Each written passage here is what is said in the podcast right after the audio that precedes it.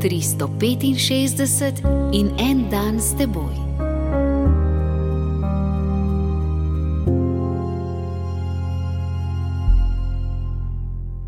Iz prvega Janezovega pisma, prvo poglavje, osma vrstica. Če rečemo, da smo brez greha, sami sebe varamo in resnice ni v nas. Kdor ne veruje v Boga, se ne čuti grešnika, ker sam določa, kaj je dobro in kaj slabo. Zadošča mu, da spoštuje državne zakone.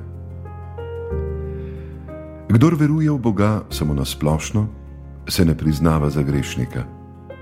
Zadošča mu pošteno življenje. Ne kradem, ne ubijam, spoštujem vse, ki spoštujejo mene in se brigam zase.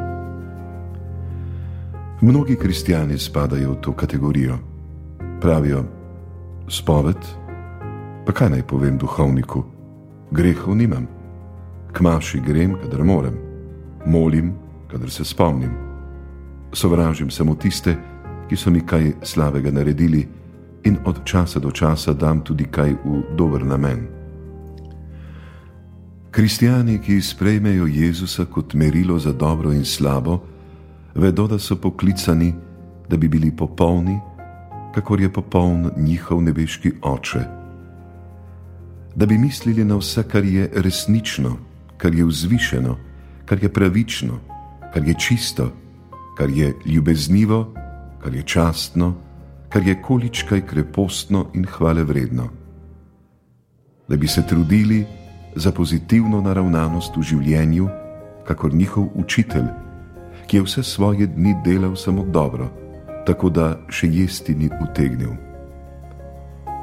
Zato začnejo, končajo in kakor zvezdami polepšajo vsak dan z evangelsko molitvijo.